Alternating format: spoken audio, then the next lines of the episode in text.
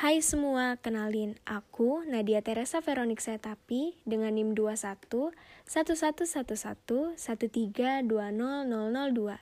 dari kelompok 3 Oculomotorius. Aku mahasiswa baru kedokteran gigi di Universitas Lambung Mangkurat. Di podcast kali ini, aku mau nyeritain gimana sih perkuliahan di Fakultas Kedokteran Gigi itu. Mungkin di antara kalian ada yang bertanya-tanya, gimana sih sistem pembelajaran di Fakultas Kedokteran Gigi? Materi apa aja sih yang dipelajari. Nah, di sini aku akan cerita berdasarkan yang sudah aku jalani selama hampir dua bulan ini berkuliah di Fakultas Kedokteran Gigi. Nah, tahun ini merupakan tahun pertama aku dan teman-teman yang dari angkatan 2021 duduk di bangku perkuliahan. Kita semua pasti nggak nyangka kan, yang sebelumnya masih kelas 11 terus dibilang libur dua minggu, eh tahu-taunya libur hampir dua tahun. Waktu berjalan cepat banget ya. Aku sendiri masih nggak nyangka kalau ternyata sekarang aku adalah seorang mahasiswa. Nah, sebagai seorang mahasiswa baru, tentunya kita masih belum terbiasa dengan sistem di perkuliahan. Sekarang, aku lagi menjalani masa transisi dari yang sebelumnya siswa menjadi seorang mahasiswa. Banyak hal yang berubah dan harus kita sesuaikan. Dan itu membutuhkan kemauan yang kuat untuk kita bisa beradaptasi dan berubah dengan cepat. Beberapa contoh sederhana dan nyata yang berubah itu misalnya dari istilah sekolah menjadi kampus, dari mata pelajaran menjadi mata kuliah, dan yang pastinya istilah guru sekarang berubah menjadi dosen. Dulu dalam menerima pelajaran, guru selalu memberikan materi langsung di kelas, dan kita hanya pasif menunggu materi yang diberikan oleh guru. Tapi di perkuliahan, sekarang kita dituntut harus proaktif dalam memahami mata kuliah yang diberikan oleh dosen. Dan kita juga harus aktif dalam mencari referensi lebih banyak lagi melalui jurnal ataupun media yang lainnya agar pengetahuan kita lebih luas lagi mengenai materi yang diberikan oleh dosen. Oleh karena itu, kita nggak bisa santai-santai aja dan kita harus semangat untuk mengupayakan agar pengetahuan kita itu lebih luas. Nah, mungkin banyak yang ngira kalau masuk fakultas kedokteran gigi itu cuma fokus ngebahas tentang materi gigi aja. Padahal di sini kita tetap mempelajari tentang basic medical science seperti anatomi tubuh manusia. Walaupun gak mendalam seperti di kedokteran umum, tetapi sebagai mahasiswa kedokteran gigi, kita harus tahu mengenai anatomi tubuh manusia secara utuh dari kepala sampai ke ujung kaki. Karena semua organ-organ dalam tubuh manusia itu saling berkaitan. Nah, untuk sistem perkuliahan di Fakultas Kedokteran Gigi ini sendiri, nggak cuma ngebahas tentang masalah kesehatan gigi dan mulut, tapi juga melatih keterampilan tangan dari setiap mahasiswa, agar nantinya ketika kita menjadi seorang dokter gigi, itu kita bisa mengerjakan tugas kita dalam membuat gigi tiruan atau memasang kawat gigi dan lain sebagainya itu dengan rapi dan indah. Dalam hal ini diperlukan ketelatenan dan kerapian dari kita sebagai mahasiswa. Jadi aku saranin nih buat kalian yang suka pekerjaan yang berkaitan dengan keterampilan tangan dan seni itu tuh cocok banget untuk masuk ke kedokteran gigi. Nah, selain ngebahas yang tadi, selain ada sistem praktikum dan skill labs, di sini juga ada yang namanya sistem tutorial. Tutorial ini kita nanti dibagi menjadi kelompok-kelompok yang biasanya terdiri dari 8 sampai 15 orang mahasiswa dan dilaksanakan dalam dua kali pertemuan dengan menggunakan sistem 7 jam. Dalam tutorial ini, biasanya kita diawasi langsung oleh dosen, sehingga penilaian dapat dilihat dari keaktifan mahasiswa dalam berdiskusi dan mengutarakan pendapatnya. Pada tahap yang pertama, kita berdiskusi mengenai kasus yang diberikan oleh dosen sesuai dengan pengetahuan dan kemampuan yang dimiliki oleh mahasiswa pada saat itu. Nah, pada tutorial yang tahap pertama ini biasanya diakhiri dengan menentukan sasaran belajar yang kemudian akan kita cari jawabannya secara individu melalui media seperti buku maupun jurnal. Nah, selanjutnya pada tahapan yang kedua dalam tutorial ini, setiap anggota kelompok sudah siap dengan hasil jawaban yang diperolehnya berkaitan dengan sasaran belajar yang sudah diputuskan oleh kelompok pada pertemuan sebelumnya. Nah, setelah kedua sesi tutorial ini selesai dilaksanakan, akan dilanjutkan dengan yang namanya kuliah pakar. Yang mana nanti ada beberapa kelompok yang ditunjuk untuk mempresentasikan hasil diskusi mereka. Kemudian dosen akan memulai kuliah mengenai materi yang telah dibahas tadi agar ma seluruh mahasiswa memiliki pemahaman yang sama dan benar. Selain itu, aku juga mau membahas mengenai sistem ujian yang ada di Fakultas Kedokteran Gigi. Sebelumnya, di kedokteran gigi kita menggunakan sistem blok. Nah, pada sistem blok ini, selain ada kelas besar, seperti pada umumnya, juga terdapat kelas tutorial yang kita bahas tadi, skill lab atau keterampilan medis, dan praktikum. Nah, nantinya pada akhir blok, hasil pembelajaran di kelas, tutorial, skill labs, dan praktikum yang tadi akan diujiankan pada tes tertulis, ujian lisan, dan ujian keterampilan medis ataupun OSCE, dan juga ujian praktikum. Nah, untuk aku sendiri kemarin sudah melewati OSCE yang dengan materi uh, komunikasi efektif. Nah, di mana kami dibagi menjadi beberapa kelompok. Di situ kami untuk dua orang akan menjadi seorang dokter dan pasien. Nah, di situ nanti akan dilihat langsung oleh dosen bagaimana cara kita berkomunikasi dengan seorang pasien. Nah, untuk sekarang karena kondisi pandemi COVID belum mereda dan belum adanya keputusan untuk kuliah tatap muka, maka setiap perkuliahan dilakukan secara online, termasuk tadi ujian blog ataupun ujian OSCE atau keterampilan medis tadi. Nah, itu juga dilakukan secara online. Nah, di sini kita semua tahu kalau kuliah secara online pasti kurang optimal dibandingkan dengan kuliah tatap muka. Karena ada beberapa kendala yang sering dialami selama kuliah online seperti biasanya yang paling sering adalah masalah jaringan. Nah, dan kadang juga suasana ketika dalam perkuliahan itu terkesan kurang akrab. Nah, untuk aku sendiri, kendala yang sering aku rasain selama kuliah online itu adalah kendala di jaringan dan juga terkadang ada permasalahan pada laptop. Nah, tetapi menurut informasi yang aku tahu, pada saat blok 3 nanti, perkuliahan di Fakultas Kedokteran Gigi Universitas Lambung Mangkurat bisa dilaksanakan secara offline saat praktikum ataupun skill labs-nya. Tapi kita semua harus berdoa dan berharap agar pandemi ini segera berakhir, agar nanti kuliah kita bisa dilaksanakan dengan normal dan kita bisa berkumpul bersama dengan teman-teman satu angkatan kita. Nah, mungkin segini dulu podcast tentang perkuliahan di Fakultas Kedokteran Gigi. Mohon maaf apabila ada kata-kata yang kurang berkenan dari aku. Sekian dulu, dadah. Hai semua, balik lagi nih di Okpot. Oklusal Podcast bagian yang kedua. Bareng aku, Nadia Teresa Veronik Setapi dengan NIM 21 1111 13200002 dari Fakultas Kedokteran Gigi angkatan 2021. Nah, di podcast kali ini kita bakalan bincang-bincang santai aja ngebahas tentang BEM. Nah, mungkin ada yang nggak tahu nih BEM itu apa. Jadi kita kenalan dulu kali aja ya sama si BEM ini.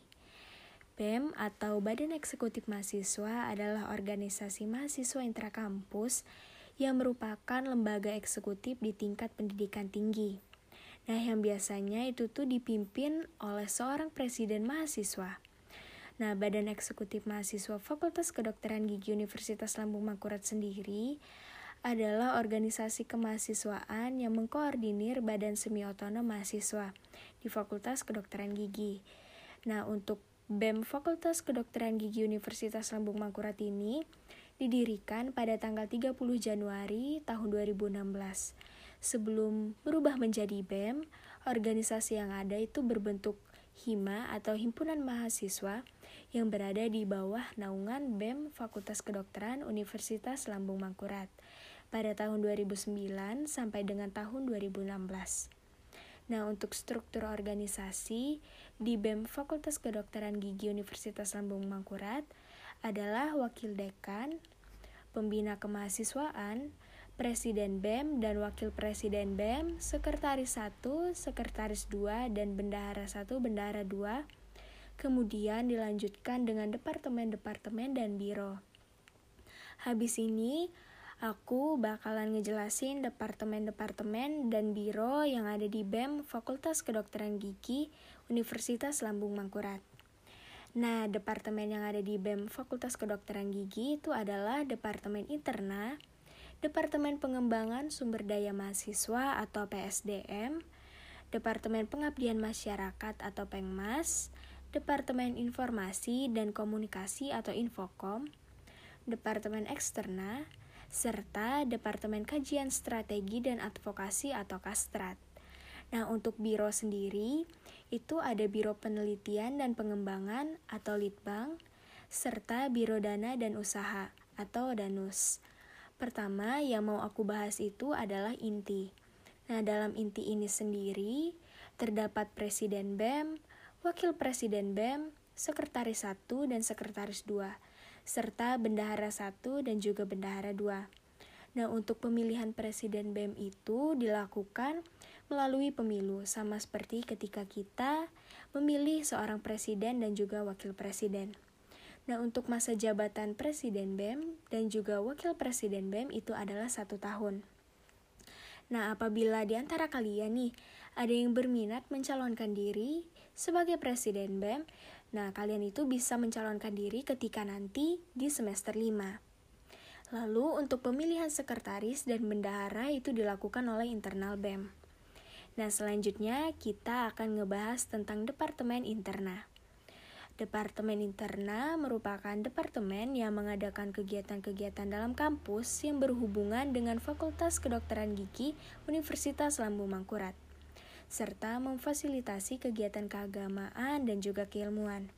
Contoh program kerja dari Departemen Interna ini yaitu Disnatalis, Charity Event, Mubes dan Raker, dan juga Dorsum Ormawa. Selanjutnya, aku mau ngebahas tentang Departemen Pengembangan Sumber Daya Mahasiswa atau PSDM. Departemen PSDM ini mengadakan kegiatan peningkatan sumber daya mahasiswa seperti pengkaderan dan juga penyaluran minat bakat. Contoh program dari dari Departemen PSDM ini yaitu kegiatan PKKMB dan juga LKMM. Nah, lanjut kita bakalan ngebahas tentang Departemen Kajian Strategi dan Advokasi atau Kastrat. Nah, Departemen Kastrat ini mengadakan kegiatan-kegiatan pengkajian, merumuskan langkah strategis, dan mengadvokasi terhadap isu-isu strategis kesehatan maupun non-kesehatan mahasiswa, dan juga melakukan advokasi terhadap isu-isu strategis baik di dalam maupun di luar FKG ULM. Contoh program kerja dari Departemen Kastrat yaitu WNTD dan juga Interferon. Nah, selanjutnya kita ngebahas tentang Departemen Eksterna. Departemen Eksterna ini mengadakan dan memfasilitasi kegiatan-kegiatan di luar kampus Fakultas Kedokteran Gigi Universitas Lambung Mangkurat, mengoptimalkan kontribusi pengurus BEM, Fakultas Kedokteran Gigi untuk mengikuti organisasi di luar fakultas serta menjalin organisasi di luar fakultas. Contoh program kerja dari Departemen Eksterna yaitu SINUS atau Silaturahmi Antar Kampus, Dentin atau Dentistry, Introduction, dan juga Upgrading. Lanjut, kita akan membahas mengenai Departemen Pengabdian Masyarakat atau Pengmas. Departemen Pengmas ini melakukan dan mewadahi kegiatan pengabdian kepada masyarakat mengenai permasalahan yang berkembang di dalam masyarakat dan mengenai permasalahan kemanusiaan dan kesehatan, khususnya kesehatan gigi dan mulut sebagai wujud pengamalan Tridharma perguruan tinggi dan menyalurkan partisipasi aktif mahasiswa di masyarakat. Contoh program kerja dari Departemen Pengmas ini adalah WOHD, School Visit LKMM atau sekarang yang kita kenal sebagai Dentistry Visit, Baksos BEM Fakultas Kedokteran Gigi Universitas Lambung Mangkurat dan juga Hands Free. Selanjutnya kita akan ngebahas tentang Departemen Informasi dan Komunikasi atau Infokom. Departemen Infokom ini meningkatkan dan mengoptimalkan media dalam dokumentasi dan memberikan informasi mengenai perlombaan dan lain sebagainya. Contoh kegiatan yang dilakukan yaitu Dance Fair 3.0, workshop desain grafis, dan juga mengelola website BEM FKG ULM, official account line BEM FKG ULM, serta website BEM FKG ULM. Selanjutnya, kita akan membahas mengenai Biro Penelitian dan Pengembangan atau Litbang. Biro Litbang ini melakukan kegiatan pengembangan internal organisasi. Contohnya yaitu mengelola database BEM serta verifikasi SKKM. Dan yang terakhir yang akan kita bahas adalah Biro Dana dan Usaha atau DANUS. Biro Danus ini mencari, menghimpun, dan mengembangkan dana dari berbagai bidang usaha untuk meningkatkan keuangan organisasi dan upaya untuk mendukung pelaksanaan program kerja BEM Fakultas Kedokteran Gigi Universitas Lambung Mangkurat, serta mendata inventaris aset. Contoh kegiatannya yaitu mengelola katalog danus, PKMI, direct, dan juga indirect. Nah, mungkin itu aja penjelasan singkat mengenai Departemen dan Biro yang ada di BEM Fakultas Kedokteran Gigi Universitas Lambung Mangkurat. Nah, buat kalian nih, pasti ada yang bertanya-tanya kan, apa sih kelebihan kita kalau ikut BEM? Nah, kelebihan mengikuti BEM menurutku itu ada banyak. Contohnya, kita jadi memiliki banyak relasi seperti dikenal oleh dosen, kenal banyak kakak tingkat yang pastinya akan sangat membantu kita ketika nanti kita sudah memasuki koas. Selain itu juga, kita mengembangkan kemampuan untuk berorganisasi dan mampu menyelenggarakan dan mengkoordinir suatu kegiatan yang manfaatnya dapat kita rasakan nanti ketika kita sudah bekerja maupun berada di lingkungan masyarakat. Untuk aku sendiri tertarik untuk masuk ke BEM terutama di Departemen Pengmas karena aku suka dengan kegiatan sosial. Nah mungkin segini dulu podcast kedua aku mengenai BEM. Apabila terdapat kesalahan kata, aku mohon maaf. Sampai jumpa di podcast-podcast selanjutnya. Sampai jumpa. Hai semua, balik lagi nih di Okpot. Aklusal Podcast bagian yang kedua. Bareng aku, Nadia Teresa Veronik Setapi dengan NIM 21 1111 dari Fakultas Kedokteran Gigi angkatan 2021. Nah, di podcast kali ini kita bakalan bincang-bincang santai aja ngebahas tentang BEM. Nah, mungkin ada yang nggak tahu nih BEM itu apa. Jadi kita kenalan dulu kali aja ya sama si BEM ini. BEM atau Badan Eksekutif Mahasiswa adalah organisasi mahasiswa intrakampus yang merupakan lembaga eksekutif di tingkat pendidikan tinggi. Nah, yang biasanya itu tuh dipimpin oleh seorang presiden mahasiswa. Nah, Badan Eksekutif Mahasiswa Fakultas Kedokteran Gigi Universitas Lambung Mangkurat sendiri adalah organisasi kemahasiswaan yang mengkoordinir badan semi otonom mahasiswa di Fakultas Kedokteran Gigi. Nah, untuk BEM Fakultas Kedokteran Gigi Universitas Lambung Mangkurat ini didirikan pada tanggal 30 Januari tahun 2016. Sebelum berubah menjadi BEM, organisasi yang ada itu berbentuk HIMA atau Himpunan Mahasiswa yang berada di bawah naungan BEM Fakultas Kedokteran Universitas Lambung Mangkurat pada tahun 2009 sampai dengan tahun 2016.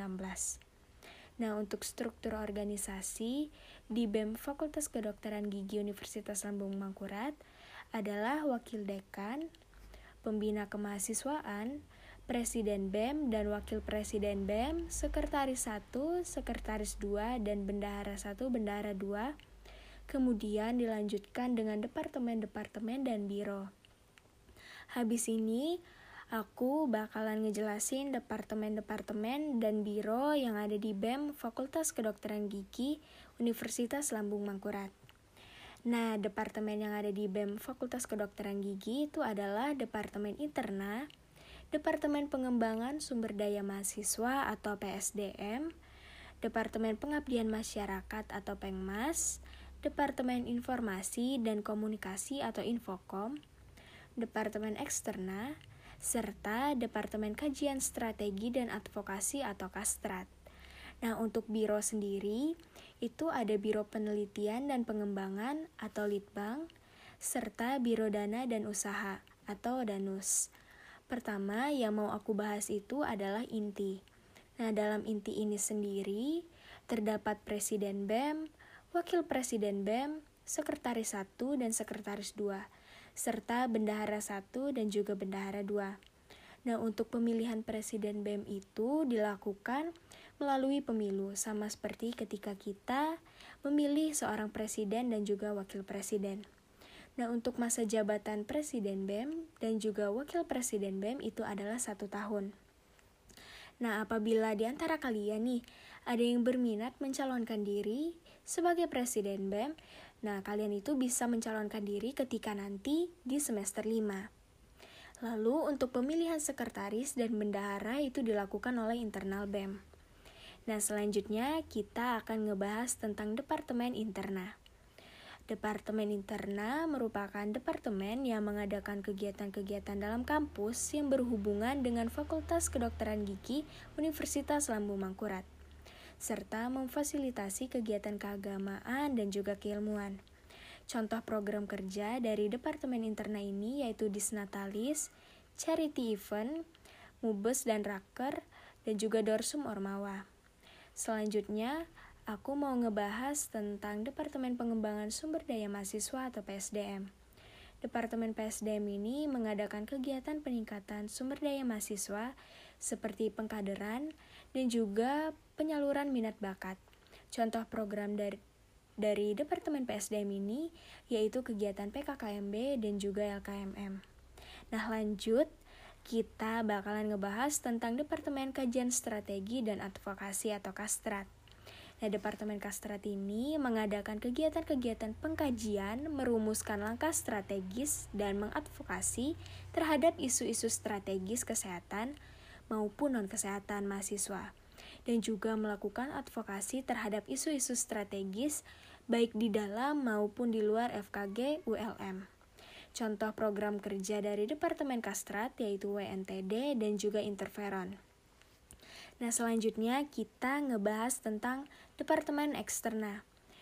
Departemen Eksterna ini mengadakan dan memfasilitasi kegiatan-kegiatan di luar kampus Fakultas Kedokteran Gigi Universitas Lambung Mangkurat, mengoptimalkan kontribusi pengurus BEM Fakultas Kedokteran Gigi untuk mengikuti organisasi di luar fakultas serta menjalin organisasi di luar fakultas. Contoh program kerja dari Departemen Eksterna yaitu SINUS atau Silaturahmi Antar Kampus, Dentin atau Dentistry, Introduction, dan juga Upgrading. Lanjut, kita akan membahas mengenai Departemen Pengabdian Masyarakat atau Pengmas. Departemen Pengmas ini melakukan dan mewadahi kegiatan pengabdian kepada masyarakat mengenai permasalahan yang berkembang di dalam masyarakat dan mengenai permasalahan kemanusiaan dan kesehatan, khususnya kesehatan gigi dan mulut sebagai wujud pengamalan Tridharma perguruan tinggi dan menyalurkan partisipasi aktif mahasiswa di masyarakat.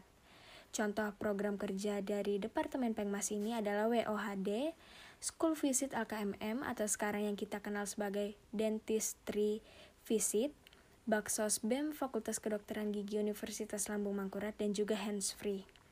Selanjutnya kita akan ngebahas tentang Departemen Informasi dan Komunikasi atau Infokom. Departemen Infokom ini meningkatkan dan mengoptimalkan media dalam dokumentasi dan memberikan informasi mengenai perlombaan dan lain sebagainya. Contoh kegiatan yang dilakukan yaitu Dance Fair 3.0, workshop desain grafis, dan juga mengelola website BEM FKG ULM, official account line BEM FKG ULM, serta website BEM FKG ULM. Selanjutnya, kita akan membahas mengenai Biro Penelitian dan Pengembangan atau Litbang. Biro Litbang ini melakukan kegiatan pengembangan internal organisasi. Contohnya yaitu mengelola database BEM serta verifikasi SKKM. Dan yang terakhir yang akan kita bahas adalah Biro Dana dan Usaha atau DANUS. Biro DANUS ini mencari, menghimpun, dan mengembangkan dana dari berbagai bidang usaha untuk meningkatkan keuangan organisasi dan upaya untuk mendukung pelaksanaan program kerja BEM Fakultas Kedokteran Gigi Universitas Lambung Mangkurat, serta mendata inventaris aset Contoh kegiatannya yaitu mengelola katalog danus, PKMI, direct, dan juga indirect. Nah, mungkin itu aja penjelasan singkat mengenai departemen dan biro yang ada di BEM Fakultas Kedokteran Gigi Universitas Lambung Mangkurat. Nah, buat kalian nih, pasti ada yang bertanya-tanya kan, apa sih kelebihan kita kalau ikut BEM? Nah, kelebihan mengikuti BEM menurutku itu ada banyak. Contohnya, kita jadi memiliki banyak relasi seperti dikenal oleh dosen, kenal banyak kakak tingkat yang pastinya akan sangat membantu kita ketika nanti kita sudah memasuki koas. Selain itu juga, kita mengembangkan kemampuan untuk berorganisasi dan mampu menyelenggarakan dan mengkoordinir suatu kegiatan yang manfaatnya dapat kita rasakan nanti ketika kita sudah bekerja maupun berada di lingkungan masyarakat. Untuk aku sendiri tertarik untuk masuk ke BEM terutama di Departemen Pengmas karena aku suka dengan kegiatan sosial. Nah mungkin segini dulu podcast kedua aku mengenai BEM. Apabila terdapat kesalahan kata, aku mohon maaf. Sampai jumpa di podcast-podcast selanjutnya. Sampai jumpa.